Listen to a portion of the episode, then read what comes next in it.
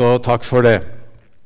Jeg eh, har det slik at når jeg taler på søndag formiddag, så pleier jeg å tale over søndagens tekst, og det skal jeg gjøre i dag også.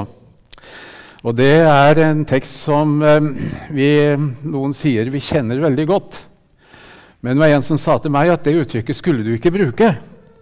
For det er ingen av oss som egentlig kjenner Guds ord godt. Vi kjenner kanskje ordlyden, men Guds ord er slik innretta at det kan tale til oss på nytt og på nytt og på nytt og åpenbare nye sannheter for oss som vi kanskje ikke har lagt merke til tidligere. Nå skal vi be sammen, og etterpå så skal vi lese det som er satt opp som dagens tekst, nemlig fra Matteus 11, 28-30. La oss be.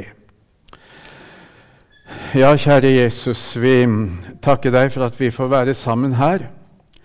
Og takk for at vi både tror og vi vet ut ifra ditt ord at du vil være til stede der vi samles om ditt navn og ditt ord. Vi takker deg, Jesus, for anledningen du gir oss til å bo i et fritt land. Vi kan uh, samles slik, og uh, vi har full rett til å gjøre det. Vi tenker på de som ikke har det slik, og vi ber om at denne søndagen må de også få anledning til å ta til seg av Guds ord. Vi takker deg, Jesus, for de som fikk sin tjeneste her i Norge, som er vårt misjonsområde denne måneden. Takker for de som reiser med ordet ditt. Og vi takker for de som uh, styrer både med barne- og ungdomsarbeid og, og vanlig virksomhet, forkynnervirksomhet. Må ordet ditt lyde, både på bedehusene, i heimene og også i de mange sammenhenger der folk samles om ditt ord. Vi takker deg, Jesus, for anledningen til å møtes her i misjonssalen. Må du velsigne det jeg skal si. Tar det til mitt hjerte, Jesus. og og gi den ydmyke ånd til å legge ordet ditt fram. Vi ber om det i ditt navn. Amen. Vi leser fra Matteus 11, 28-30. Der står det slik i Jesu navn. Kom til meg, alle som strever og har tungt å bære, og jeg vil gi dere hvile. Ta mitt åk på dere og lær av meg, for jeg er nedbøyd og ydmyk av hjerte. Så skal dere finne hvile for deres sjeler, for mitt åk er ganglig og min byrde lett. Amen. Ja, i denne teksten så henvender Jesus seg til mennesker som strever og har tungt å bære, leste vi. De som strever, det er de som arbeider med noe de ikke klarer å oppfylle. Derfor er dette en viktig tekst. Det er en veldig tekst som har et budskap til alle mennesker. Vi skal se litt mer på det. For det første taler den um, om hvor nytteløst det er å streve for å bli verdig for Gud og for Guds nåde. Da Jesus ga denne innbydelsen første gang, 'Kom til meg, alle som strever og har tungt å bære', så var det nok med tanke på de byrder som folkets ledere la på israelsfolket. tales litt om det i versene forut for, for teksten vår. De um, fariseerne og de skriftlærde de sa dere må oppfylle Moselov og forskriftene for å behage Gud.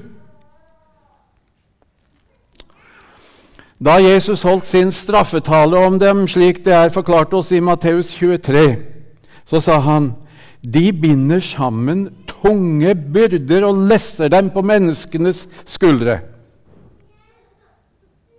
Noen år senere så talte Peter på apostelmøtet i Jerusalem. Det som var så viktig for den videre utbredelse av evangeliet. Og vi kan vel si det møtet som åpnet også evangeliet for oss, som ikke hører med til israelsfolket. Dette møtet i Jerusalem, som, som det blir rapportert ifra i apostelgjerningene kapittel 15, så sa Peter.: Hvorfor frister dere Gud og legger et åk på disiplenes nakke som verken våre fedre eller vi var i stand til å bære? Nei, sa Peter. Det er en annen vei, faktisk den eneste farbare vei inn til frelsen, inn til hvilen, her i livet og den evige hvile. Det er en annen vei. I versene forut for ordet vi leste til å begynne med, priser Jesus sin Far, himmelens og jordens Herre, for at denne veien ikke bygger på visdom eller forstand, eller på fariseernes kløktige og velmente råd, men på noe ganske annet, sier Jesus. En åpenbaring for et forpint hjerte som strever og ikke får det til. Ja, bare les vers 25, så får du, får du det slik. Peters tale på apostelmøtet ble avsluttet med følgende ord.: Vi tror at vi blir frelst ved Herren Jesu nåde. Ja, det var andre toner, det, enn det fariseerne hadde. Fariseerne og de skriftlærde, de sa 'gjør'. Oppfyll. Pass deg. Jesus sa, 'Kom til meg, alt er ferdig'. Du har en åpen dør inn til Jesus, hvor han ønsker deg velkommen. For ham kan du bekjenne dine synder og be om tilgivelse og nåde. Vet du hva han svarer da?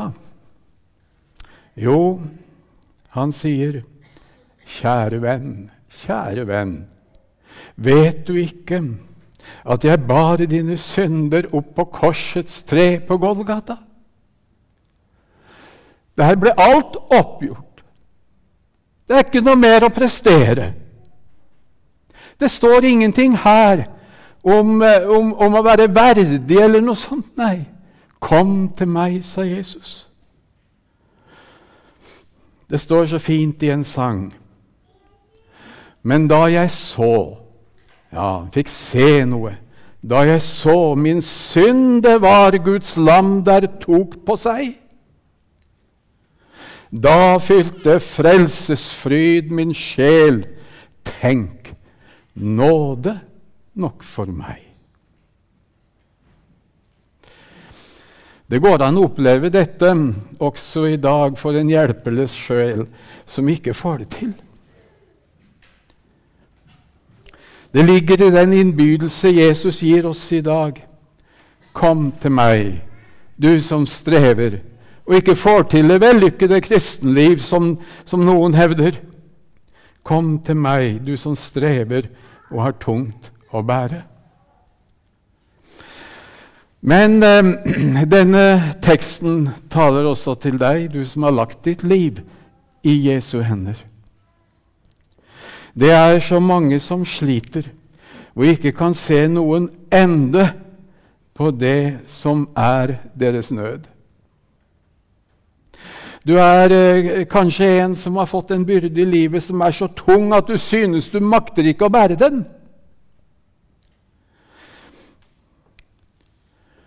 Mennesker som har det slik, vil Jesus ha i tale.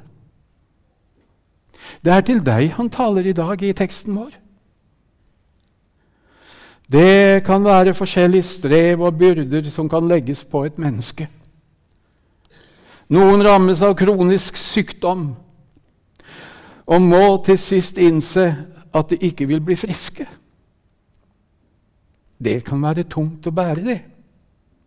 Andre rammes av noe som skjer i nær familie, med ektefelle eller barn, med venner, noen som står en nær. Så håper de at tingene skal ordne seg igjen. Men så kommer de til et punkt da de må innse at de i uoverskuelig framtid må bære byrden. Slikt kan være ufattelig tungt. Det kan faktisk bli så tungt at det kan gå på troen løs. Noen spør, 'Hvorfor hjelper du ikke meg, Gud?' Alle andre ser så glade og tilfredse ut. Og her går jeg og strever og lider med de mange spørsmål. Det er ikke lett å gi uttrykk for hvordan en kan ha det i en slik situasjon. Jeg har møtt noen gjennom livet. Og Jeg leste en gang en fortelling fra Peru. Det var jo det misjonslandet vi var i sist nå. Leste en gang en fortelling som illustrerer hva dette innebærer, og hva det innebærer å ha en tung byrde. En misjonær iakttok en mann som lastet opp et esel. Og esler er sterke dyr. De ser kanskje ikke slik ut, men det er de. De kan bære mye, men denne gangen ble det lagt mer enn vanlig på det stakkars dyret. Da byrden var blitt stor og tung, kom mannen med enda noe mer som han ville legge på eselets rygg. Da knakk dyret sammen. Og det maktet ikke å reise seg igjen. Det gjorde flere forsøk, men maktet ikke å få bena under seg.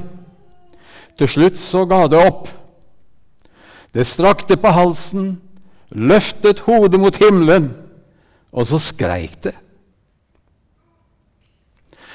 Du som har en tung byrde, kjenner deg kanskje igjen. Byrden din knuger deg ned, og du får bare lyst til å rope. Du synes kanskje det virker irrasjonelt og dumt, men du makter ikke annet enn å la smerten bryte fram. Men nå får du høre hva teksten i dag sier, da. Det er slik som Jesus innbyr til seg. Det er til slik han sier 'kom'. De som strever, skal få komme til ham. Han vil gi oss hvile, sier han.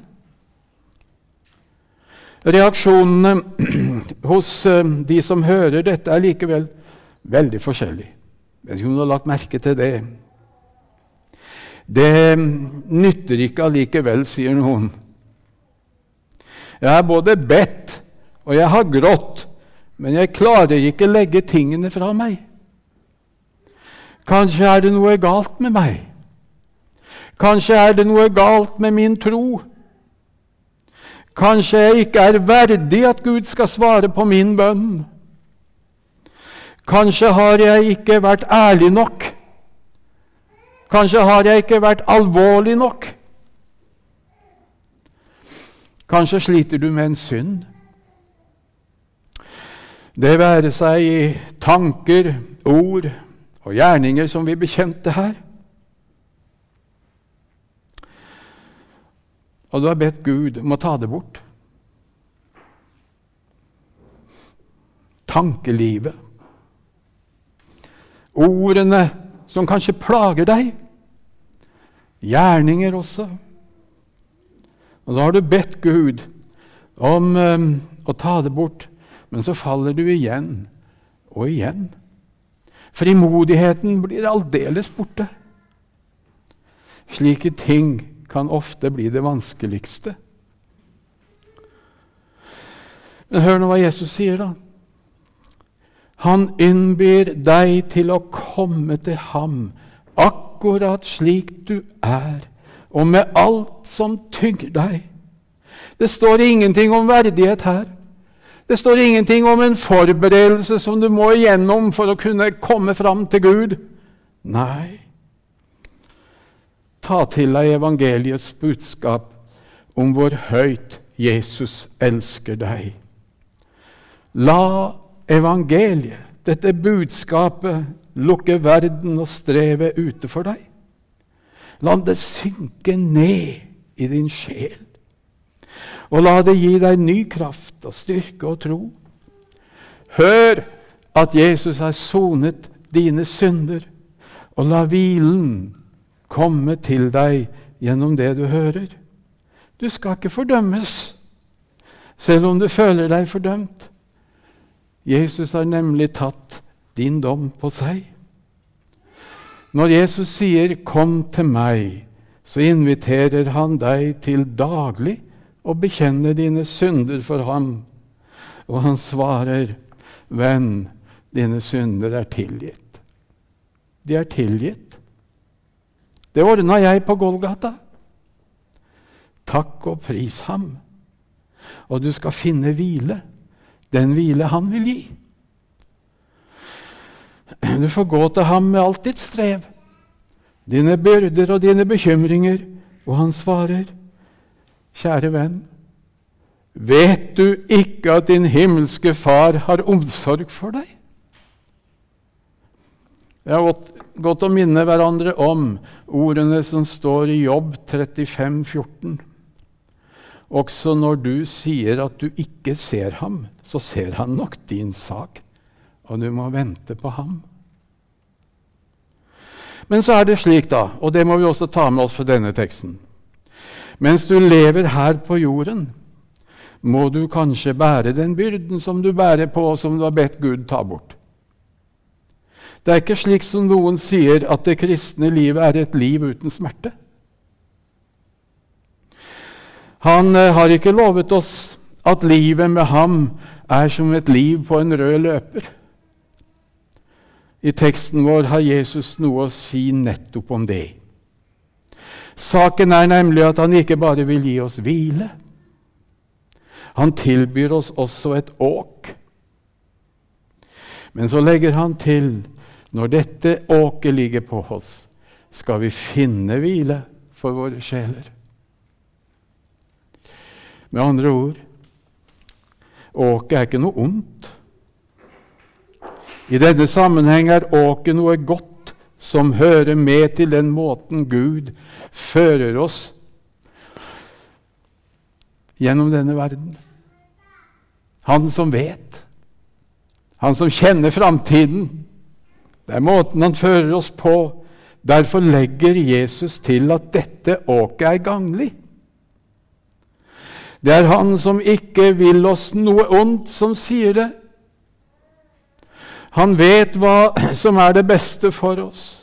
Han vet de tanker han tenker om oss, står det i Bibelen. Det er fredstanker og ikke tanker til ulykke. Jeg vil gi dere fremtid og håp, står det i Jeremia 29, 29,11. Når vi gir oss helt og fullt til Ham, i tillegg til at han vet best, fører det til at byrden blir lett å bære. Jesus kaller åket for sitt åk. Det er ikke slik at Jesus står på utsiden og betrakter vår smerte. Han er med oss. Han leder oss igjennom, og han leder oss like inn til hvilen i himmelen. For de som uh, har fått en byrde i livet, kan dette være godt å tenke på. Jeg tenker på Emil Gustavsson, som flere av dere kjenner navnet på fordi det står en sang i sangboka som han, han har laget. Han led gjennom hele livet av en alvorlig magesykdom som langsomt brøt ned kroppen og førte til en tidlig død i år 1900. Han ble ikke mer enn 37 år gammel. Han hadde ingen svar på sin lidelse. Men han hadde opplevd at bak lidelsens mørke skyer kunne han skimte Guds faderlige omsorg. Det er godt noen får ha det sånn. Gang på gang hadde han bedt til Gud om å bli helbredet fra sykdommen. Han hadde også prøvd all verdens legebehandling og mirakelkurer av forskjellig slag. Men han måtte slå seg til ro med Paulus sine ord i 2. Korintiebrev 12,9. Min nåde, min nåde er nok for deg, kjære venn, for min kraft fullendes i skrøpelighet. Midt i smerten skrev han denne vidunderlige sangen.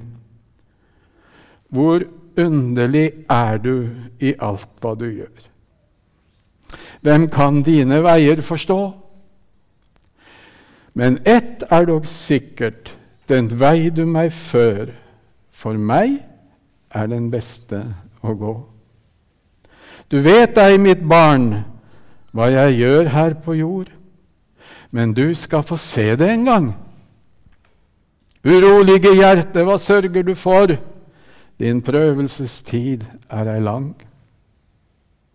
Og så står det i siste verset.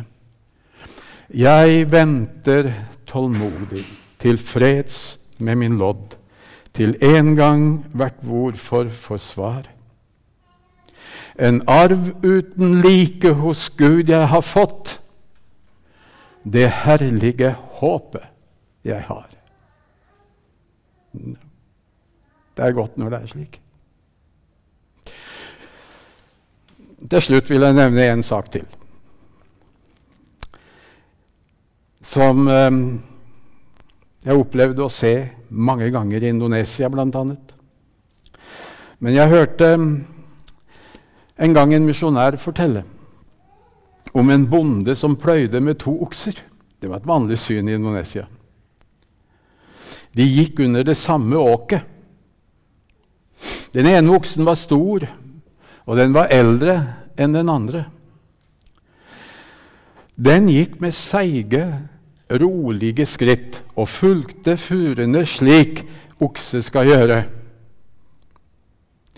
Den andre oksen var ung og udisiplinert. Han ville øyensynlig gå sine egne veier. Men eh, han kom ingen vei, for åket lå også over den store, tunge føreroksen, hvis vi skal få si det slik. Ved enden av åkeren ville den yngste fortsette å gå rett fram. Den gamle derimot snudde møysommelig og gikk samme veien tilbake. Da måtte den unge oksen følge motvillig etter. Når jeg tenker på denne historien,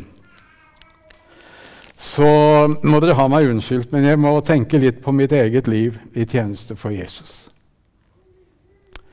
Han som går foran, står for meg, det er den store og stødige veiviser som kaller og som leder. Den stødige, som har sine planer, og som går etter de. Han som er den gode hyrden, som går foran sauene sine.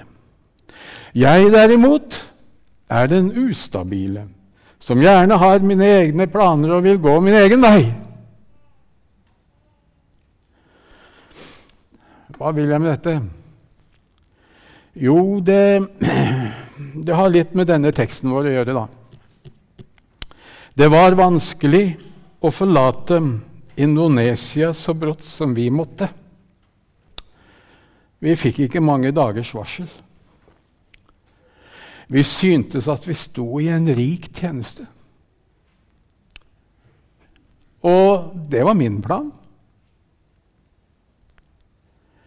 Senere ble vi kalt hjem fra en rik tjeneste i Singapore, som på mange måter ikke var vårt misjonsarbeid, men vi som sto i det, fikk være med å utdanne asiatere og andre til tjenester i mange kirker rundt omkring i hele Asia. Syntes det var en rik tjeneste.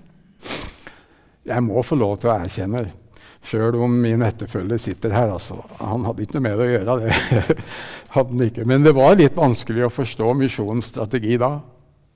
Det var det.